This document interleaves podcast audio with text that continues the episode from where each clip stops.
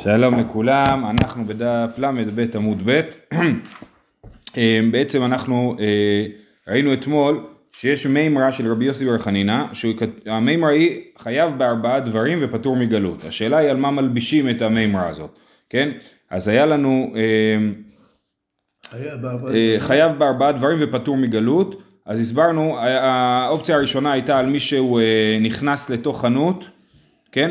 היה מישהו ש... איפה זה? אמ, סליחה, כן, הנכנס לחלוטו של נגר, נכון? דיברנו על הנגרייה, שלא ברשות ונתזב כד וטפחה על פניו ומת פטור, ואם נכנס ברשות חייב. אז אמרנו, אם הוא נכנס ברשות הוא חייב, אם הוא נכנס בלי רשות הוא פטור. הנגר.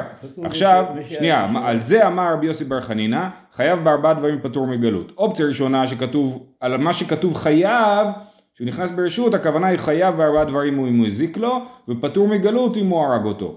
אופציה שנייה זה להגיד שהוא חייב בארבעה דברים, שאם הוא נכנס עם רשות הוא חייב גם גלות ואם הוא אה, נכנס בלי רשות אז הוא חייב נזק אבל פטור מגלות. כן? אז עכשיו על האופציה שאנחנו אומרים, האופציה השנייה שאמרנו עכשיו, שאם הוא אה, אה, נכנס בלי רשות אז הוא פטור מגלות, אבל הוא נכנס עם רשות, הוא חייב גלות, כן?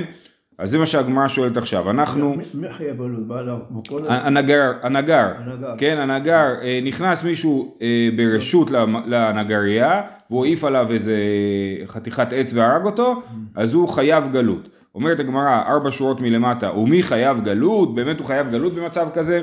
והתניא, ל"ב עמוד ב', ארבע שורות מלמטה. הנכנס לחנותו של נפח, וניתזה ניצוצות וטפחה לו על פניו המת, פטור. אדם נכנס לנפחייה, חטף אה, אה, גיץ כזה ומת, פטור. אז הנתח פטור, הנפח, כן? ואפילו נכנס ברשות, אז הנה, אם הוא נכנס ברשות, הוא בכל זאת פטור מגלות.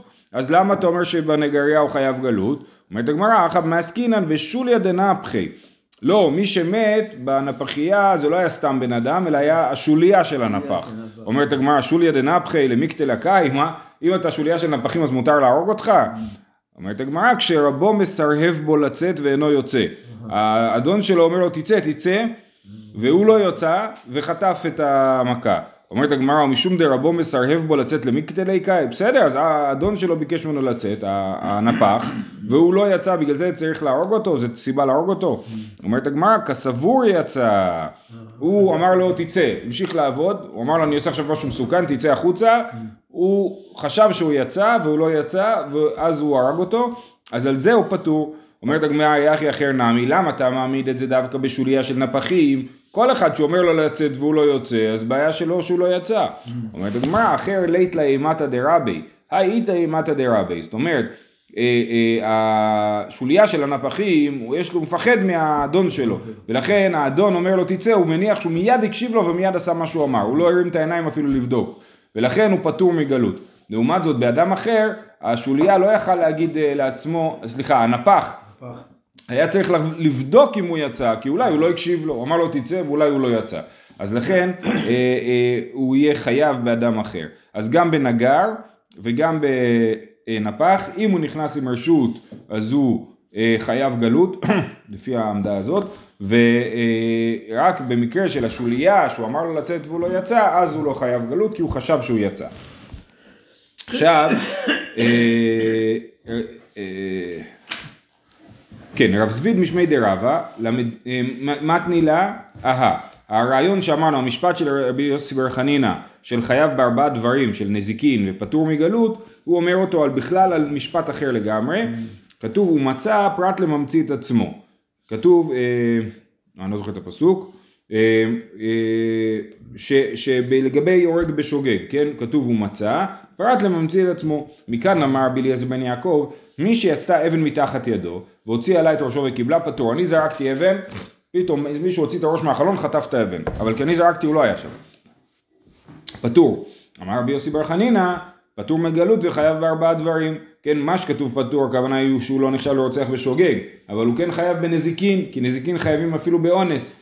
אומרת הגמרא, מאן דמתני להא, כל שכן הקמייתא. מי, אומר, מי שאומר שבמקרה הזה חייבים לשלם נזק, כל שכן שבמקרים הראשונים חייבים לשלם נזק. בנגרייה ברור שמשלמים נזק. ומאן דימתי לילה קמאייתא, מי שאומר שצריך לשלם נזק במקרים הראשונים, אבל ההא פטור לגמרי. כן, אבל אה, עכשיו במקרה שלנו הוא יהיה פטור לגמרי אפילו מנזק. שלום, בוקר טוב. אה, כן, אז, אז שוב פעם, יש לנו אה, שלושה מקומות שבהם אנחנו חושבים שצריך לשנות, אפשר לשנות את דברי רבי יוסי בר חנינא, אה, אנחנו בל"ג עמוד א', אתה רוצה? אין אין לך גמרא? אה, אה, אז אנחנו בשלושה מקומות שאפשר לשנות את דברי רבי יוסי בר חנינא, אה, אחד היה לגבי, שתיים היו לגבי הנגריה, או על הרעיון שהוא היה עם רשות או שהוא היה בלי רשות, והדבר השלישי היה על המקרה של אה, מי שהוציא את הראש באמצע אחרי שזרקתי את האבן, אז או שאני אומר שבמקרים של הנגריה אני חייב לשלם נזיקין, אבל במקרה שהוא הוציא את הראש אני פטור מנזיקין, או שאולי אפילו, במקרה- שזה אפילו נחשב יותר, פחות מאונס אפילו, כי אני זרקתי את האבן, בדקתי שאין אף אחד, ואז זרקתי את האבן, אז מישהו הכניס את הראש שלו לשם, אז אני פטור לגמרי. טוב, תנו רבנן, פועלים שבאו לתבוע שכרן מבעל הבית, ונגחן שורו של בעל הבית, ונשכן כלבו של בעל הבית ומת, פטור. כן, אני, באמת, הבן אדם. הבן אדם, בא, בא הפועל שלי לבקש כסף, לא שילמתי לו על העבודה שלו, בא לבקש כסף, מה עשה? הכלב שלי קפץ עליו, הרג אותו, כן? אז ככה אני דואג לזה שלא יבקשו ממני כסף, כן? אז הוא אומר, פועלים שבאו לתבוע שכר מבעל הבית ונגחן שורו של בעל הבית ונשכן כלבו של בעל הבית מת, פטור, פטור, הבעל הבית פטור, הוא לא נחשב ל... ל לא צריך לשלם אה, נזיקין, כן? לא, הרי זה כמו שור, נכון? זה שור המזיק, כן? אז הוא לא נחשב לשור, כי שור שמזיק ברשות הניזק, אה, ברשות המזיק, פטור, אתה נכנסת לרשות שלי, מה אתה רוצה שהכלב שלי לא לא ינשך אותך? שלך, מותר. לא, אז זהו, עכשיו אחרים אומרים, רשאים פועלים לתבוע שכרם מבעל הבית. מה זאת אומרת? ברור שלפועל יש זכות להיכנס בשביל לתבוע את הכסף, ולכן ממילא זה אומר שבעל הבית יהיה חייב גם על הנזיקין. כן. או על המוות, כן, הוא יצטרך לשלם לזה. הפועל דרך אגב לא בהכרח עובד בבית שלי, הפועל כנראה פועל בשדה שלי, אבל השאלה אם יש לו זכות להיכנס עליה לתבוע את התשלום או לא. שואלת הגמרא, איכי דמי, באיזה מקרה מדובר? אידה שכיח במטה, מה ידע עם עדה אחרים? אידה שכיח בבית, מה איתה מדתנא קמא? אם הבעל הבית הזה, הוא נמצא כל היום בעיר, הפועל יכל לתפוס אותו בכל מקום, אז למה הוא הגיע אליי הביתה? בעיה שלו, אני לא צריך לשלם. אם זה בעל הבית שאף פעם לא יוצא מהבית, ברור שהפועל צריך להגיע אליו הביתה בשביל לתבוע את התשלום, אז ברור שיש לו את הזכות להגיע הביתה, כן? אז על איזה מקרה מדובר? על בית שנמצא מחוץ לבית או על בית, בעל הבית שלא נמצא מחוץ לבית? אומרת הגמרא לא צריכה, בגברא דשכיח ולא שכיח, זה אדם, הבעל הבית לפעמים נמצא בחוץ לפעמים בפנים, אז אין איזושהי זכות ברורה להיכנס או זכות ברורה לא להיכנס, והמקרה המיוחד פה זה קרעי הבבא. הפועל דופק בשער, לוחץ על האינטרקום, ההוא אומר לו שמעתי אותך, כן?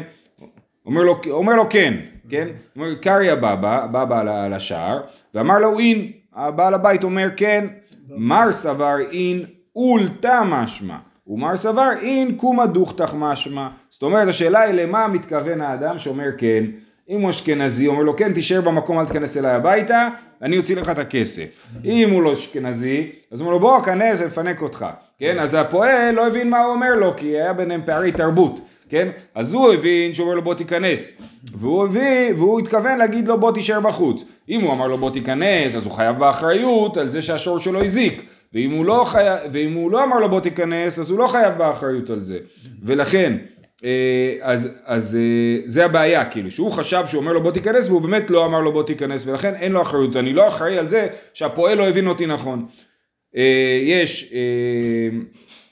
תניא כמאן דאמר אין קומא דוכתך משמע יש ברייתא שאומרת שבאמת הכוונה היא קומא דוכתך תישאר במקומך ואל תיכנס פנימה דתניא פועל שנכנס לתבוע שכרו מבעל הבית ונגחו שורו של בעל הבית עונש החוק כל- כלבו פטור.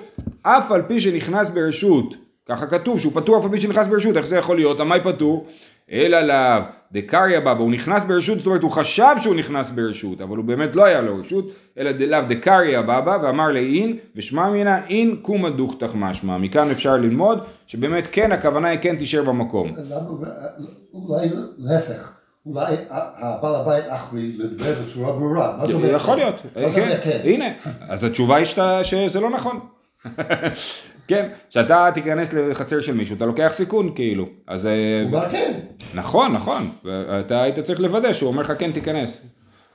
ברור שאני מתכוון להיכנס. אז סבבה. ברור לא, אבל לא ברור. נ- נכון, ברור. זה שני אופציות. מצוין, ויש לנו כלל, שני אופציות סבירות. נכון, ויש לנו כלל בממונות המוציא מחברו עליו הראייה. אז כל עוד אתה לא תוכיח שאני אמרתי לך להיכנס, אני לא אשלם לך. בכסף תמיד צריך להוכיח שאתה מוציא ממני כסף. זה, זה, ככה זה עובד.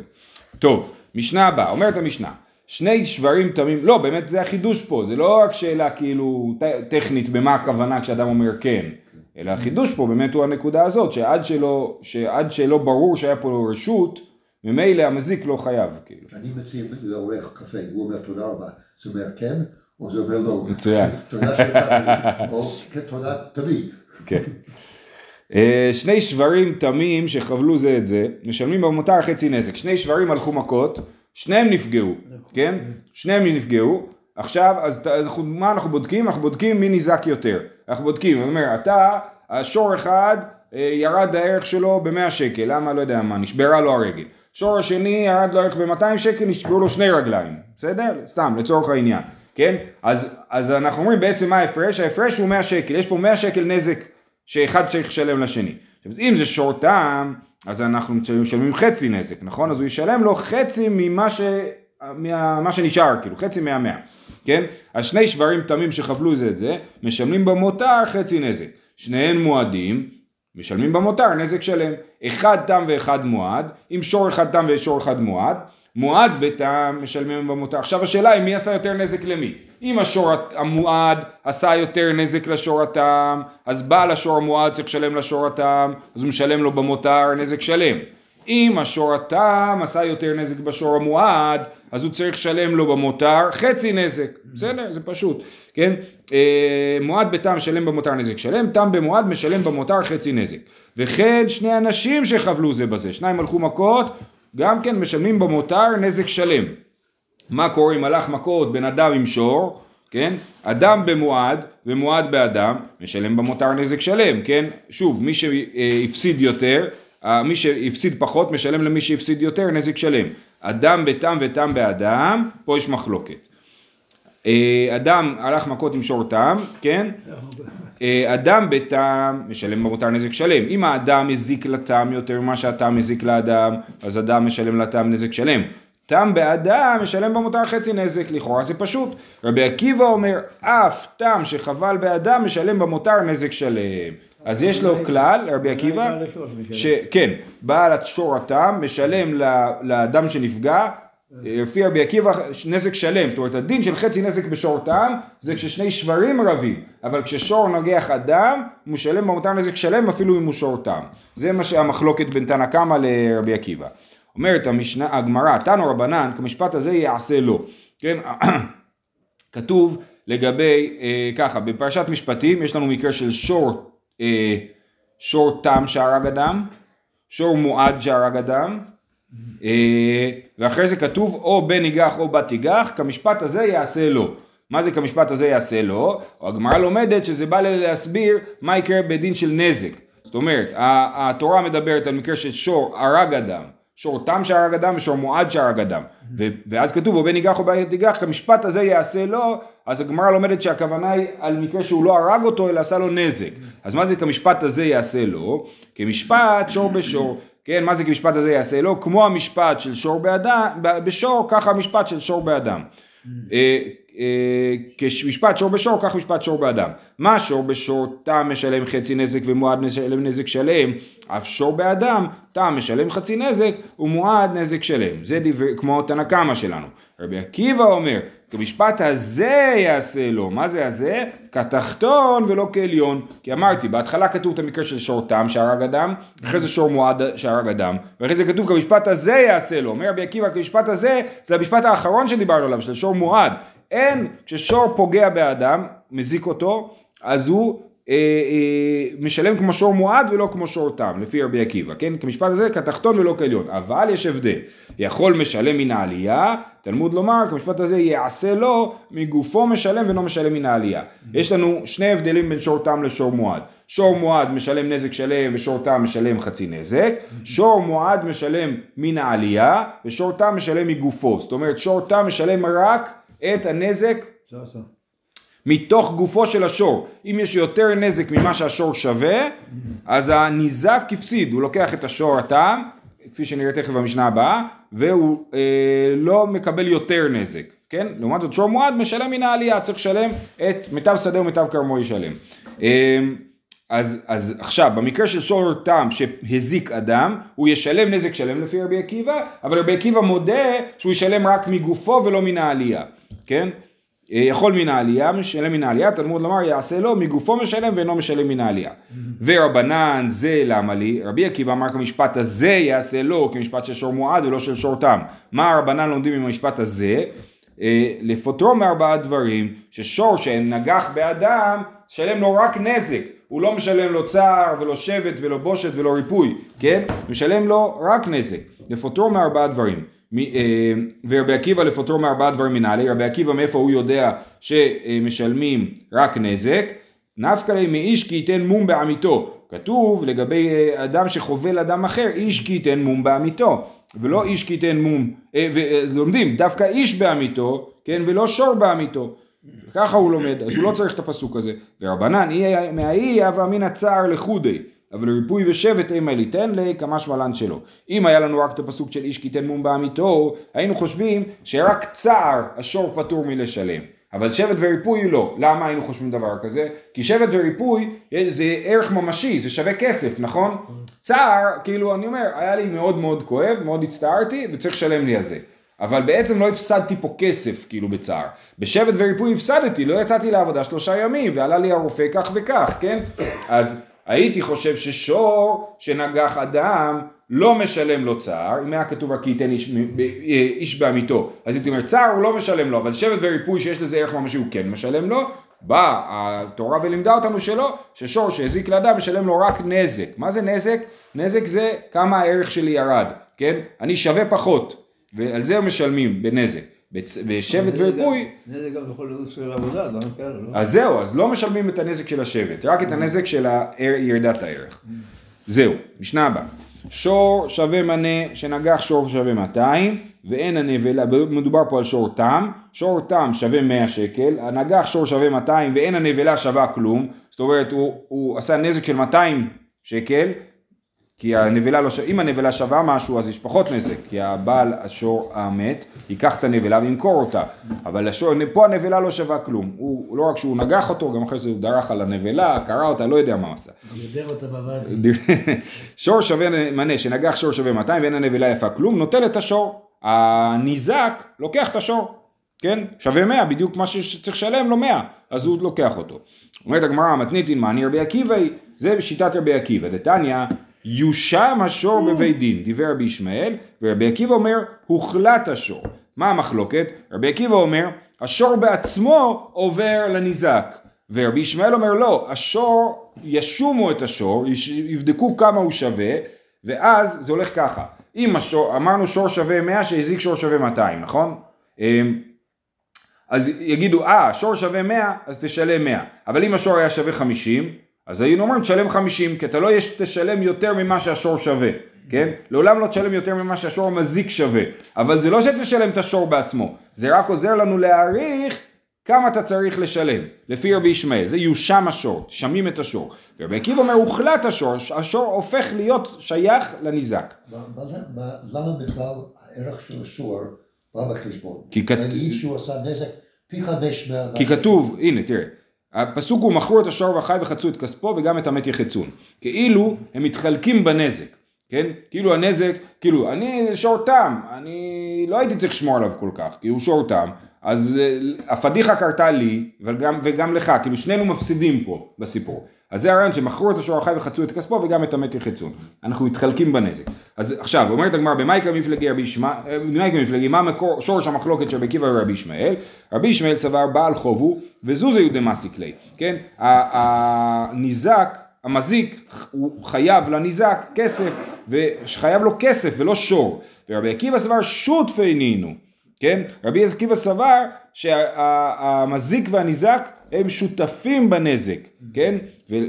וכמפלגי בהאי קרא, והם נחלקו איך להבין את הפסוק, מכרו את השור החי וחצו את כספו, רבי ישמעאל סבר, למי נאמר את הפסוק הזה, מכרו את השור החי?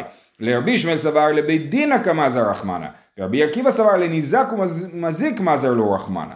אז רבי עקיבא חושב שבחור את השור החי וחצו את כספו, זה פסוק שנאמר לגבי המזיק והניזק, הוא אומר להם תתחלקו בנזק, אתם עכשיו שותפים בשור החי, ורבי ישמעאל אומר לא, זה אומר לבית הדין, תשומו את הנזק, מכרו את השור החי, הכוונה היא תשומו את הנזק, ואז תמכ... אם, אם אין מאיפה לשלם, תמכרו את השור החי, אבל אם יש מאיפה לשלם, אז הוא יכול לשלם כסף אחר. אמ, אה, מאי בניו, אז מה הנפקמינה בין אה, רבי ישמעאל ורבי עקיבא? הקדישו ניזקי כבניו, כן. הנפקמינה היא מה קורה אם הקדיש את הניזק, זאת אומרת, הנה נגח שור תם את השור שלי, אז אני מקדיש את השור המזיק, כי הוא עכשיו הוא שלי, כי הוא, כן? אז לפי רבי ישמעאל, אז מה? הוא לא שלך בכלל, זה רק איזשהו ערך ששייך לך. ולפי רבי עקיבא, באמת הניזק הופך להיות בעלים של השור המזיק, ולכן הוא יכול להקדיש אותו. בא מיני רבא מרב נחמן, מחרו מזיק, מה הדין אם המזיק הזיק את הניזק, ואז המזיק מכר את השור, לפני שגבו את החוב. רבי ישמעאל מהו? כיוון דאמר בישמעאל בעל חוב הוא וזוזי הוא דמסיק לי מכור, או דילמה כיוון דמשעבד לי לניזק, לאו כל כמיני. אז מה שני הצדדים? או שנגיד באמת אתה חייב רק כסף, אז אתה יכול למכור את השור למישהו אחר ולשלם כסף לניזק. או שאני אגיד לא, נכון שאני חייב כסף, אבל השור משועבד לחוב.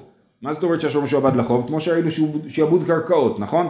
אם למזיק לא יהיה כסף לשלם, הניזק ייקח את השור. אז אולי אין לי זכות למכור את השור כל עוד לא פרעתי את החוב שאני חייב לניזק.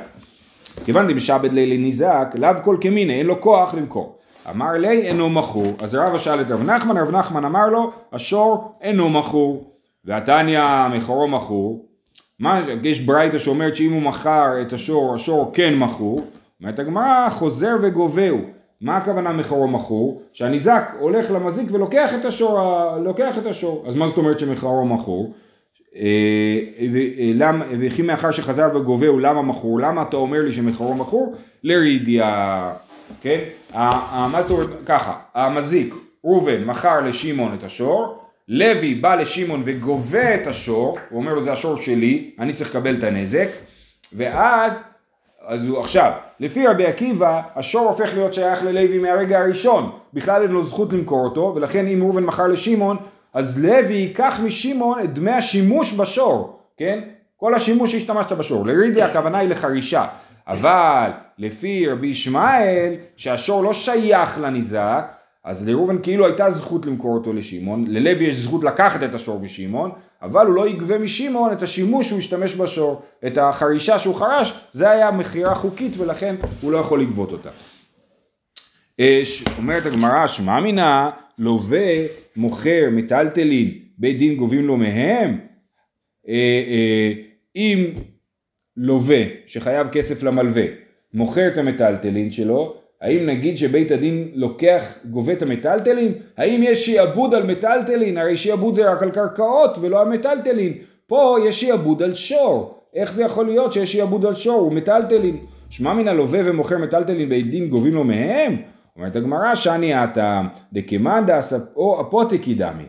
אמ, אז השור הזה הוא אפוטיקי. מה זה אפוטיקי? אתה תגבה את החוב שלך מכאן. יכול להיות שדה אפוטיקי, שאני אומר למלווה, אתה תגבה את החוב שלך מכאן, ויכול להיות אה, שור אפוטיקי במקרה הזה, התורה עשתה את השור אפוטיקי, היא אמרה שלניזק יש זכות לגבות את החוב מהשור, כן? אפוטיקי זה פוטה קאי, זאת אומרת אתה תיקח מכאן את הדבר, מה שמגיע לך. אז, אז אומרת הגמרא בעצם, מטלטלין אי אפשר לגבות, מטלטלין לא משועבדים, אבל השור הוא כן משועבד כי התורה עשתה אותו אפוטיקי, התורה אמרה שלגבות מהשור. אומרת הגמרא ואמר רבא עשה עבדו אפוטיקי ומחרו בעל חוב גובה ממנו. שורו אפוטיקי ומחרו אין בעל חוב גובה ממנו. מה רבא אומר? אי אפשר לעשות שור אפוטיקי. למה? כי הוא אומר עבד אפשר לעשות אפוטיקי ובעל, ושור אי אפשר לעשות אפוטיקי. אז איך, איך, איך השור הזה כן יהיה אפוטיקי? אומרת הגמרא אמ, עבד מאי תימא משום דאית לי קאלה. למה אפשר לעשות עבד אפוטיקי ואי אפשר לעשות בעל אה, שור? כי יש לזה קול. כל הקטע זה שהעבד השאלה היא איזה סיכון אני לוקח, כן? אני אה, מלווה לך כסף, אתה אומר אם לא יהיה לי כסף שלם לך, תיקח את העבד שלי. אז זה דבר שמתפרסם, כולם יודעים שהעבד הוא הפוטיקי, וממילא כשמישהו יקנה את העבד, הוא לא יכול לטעון לא ידעתי שהוא הפוטיקי, כן? לעומת זאת, בשור זה לא מתפרסם שהשור נהיה הפוטיקי, ולכן כן אפשר, אה, לס- אה, לכן אי אפשר לעשות שור הפוטיקי, כי מי שיקנה את השור לא ידע שיבואו ויגבו את זה ממנו, ולכן זה לא עובד, כן? אז אומרת הגמרא ככה, ואמר רב עשה הפוטיקי ומחרו בעל חוב גובה ממנו, שורו הפוטיקי ומחרו אין בעל חוב גובה ממנו. עבד מה איתה עמה משום דאיתלי קלה, היינה מכיוון דנגח קלה איתלי, דתור נגחנה קראו לי, גם השור שנגח והזיק, אז זה מפורסם, בגלל שזה מפורסם, כולם קוראים לו שור נגחן, אז, אז, אה, אז הניזק, לא סליחה, לא הניזק, אה, מי שיקנה את השור, ידע שהוא קנה שור שנגח, ושיכול להיות שהניזק יבוא ויגבה ממנו את החוב, כן? לכן אפשר לעשות שור כזה הפוטיקי, התורה עשתה אותו בעצם הפוטיקי, אבל לכן זה עובד. טוב, תני רב תחליפה בר מערבה קמי דרבי אבאו. מחרו אין מכור, הקדישו מוקדש. עכשיו זה תרתי דה סתרי. אם הוא מחרו הוא לא מכור, אז למה אם הקדישו הוא כן מוקדש? או שיש לי בעלות על הדבר, או שאין לי. שואלת הגמרא על מי מדובר? מחרו מן, אילי ממזיק, מחרו אין מכור מאני רבי עקיבאי. אם נגיד שמדובר על המזיק שהוא מחרו הוא לא מכור והקדישו הוא כן מוקדש, אז אה, זאת שיטת רבי עקיבא שחושב שמחרו הוא לא מכור, נכון? רבי עקיבא דאמר הוחלט השור, כי הוא חושב שהם נהיים שותפים בשור ברגע שהשור הזיק. והקדישו מוקדש, עתן לרבי ישמעאל, כן? לפי מי המזיק יכול להקדיש את השור? לפי רבי ישמעאל, שחושב שאין לניזק שותפות בהקדש, בשור.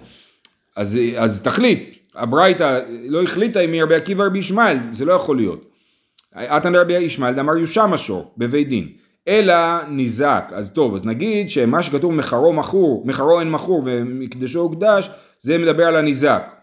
מחרו אינו מכור מאני רבי ישמעאל, שאומר שהשור לא שייך לניזק, אז מחרו הוא לא מכור. הקדשו מוקדש לשיטת מי זה? לרבי עקיבא, שאומר שהניזק מקבל בעלות על השור. אז בקיצור, אי אפשר להבין את זה. אומרת הגמרא, לעולם מזיק ודברי הכל. נגיד שמחרו מח- אינו מכור והקדשו כן מוקדש, זה מדבר על המזיק וכולם מסכימים עם זה, גם רבי עקיבא וגם רבי ישמעאל. למה? מחרו אינו מכור, לפי רבי עקיבא, ברור שמחרו אה, אינו מכור, כי הניזק קיבל בעלות על השור, נכון?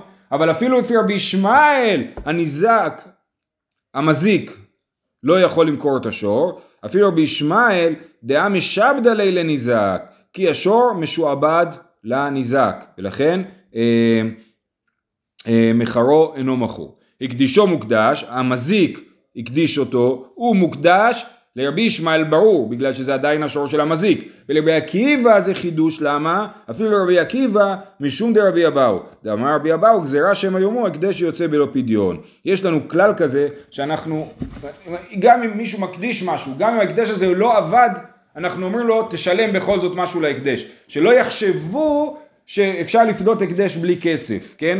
אז אני, המזיק, הקדיש, לפי רבי עקיבא אין לו זכות להקדיש, כי זה הפך להיות השור של הניזק, נכון? אז המזיק הקדיש, זה לא הקדש באמת, ובכל זאת אומרים לו, תעשה כאילו זה הקדש. תשלם משהו להקדש, לפדות את זה, בשביל שלא יחשבו שאפשר לפדות הקדש בלי כסף. כי אנשים לא ידעו שבאמת זה לא עבד ההקדש.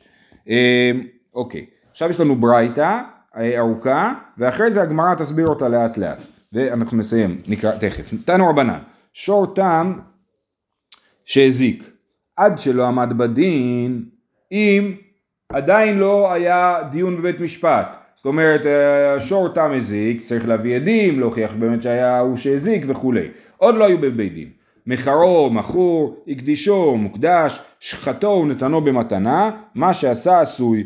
כן? כל עוד לא הגיעו לבית הדין, אין לניזק שום זכויות, ככה זה נראה, אחרי זה הגמרא תסביר קצת אחרת, כי נראה שכרגע לניזק אין שום זכויות בשור ורק למזיק יש את הזכויות בשור.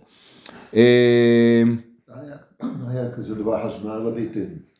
שאלה מעניינת, האם זה עובד, האם, האם ההזמנה לבית דין כבר מחלטת את השור או לא, נכון. מי שעמד בדין, כבר היה דיון בבית הדין, מחרו אינו מכור, הקדישו אינו מוקדש, שחטו ונתנו במתנה, לא עשה ולא כלום. כן, ברגע, ש, ברגע שהוא עמד בדין, אין לו זכויות על השור למזיק והוא לא יכול לעשות כלום. קדמו בעלי חובות והגביהו, עכשיו באו בעלי חובות וגבו את החוב משור, לא, לא הניזק, כן? בעלי חובות אחרים, השור שלי הזיק ובאו בעלי חוב ורצו לגבות מהשור הזה את החוב שלהם. אה, בין חב עד שלא הזיק, בין הזיק עד שלא חב, לא עשו ולא כלום, לפי שאין משתלם אלא מגופו. אם זה לא, הם לא יכולים לגבות את החוב מהשור, למה הם לא יכולים לגבות את השור? בגלל שאפילו אם החוב היה קודם לניזק, הם אומרים וואו הוא חייב לי קודם כסף, לפני, נכון? ראובן חייב כסף לשמעון והזיק ללוי, אחרי זה. בא שמעון ואומר החוב שלי קודם לחוב ללוי, אומרת הגמרא עדיין לא, השור שייך ללוי ולא לשמעון. אה, קדמו בעלי חובות והגביהו. בין חב עד שלא הזיק ובין הזיק עד שלא חב לא עשו ולא כלום לפי שאין משתלם אלא מגופו.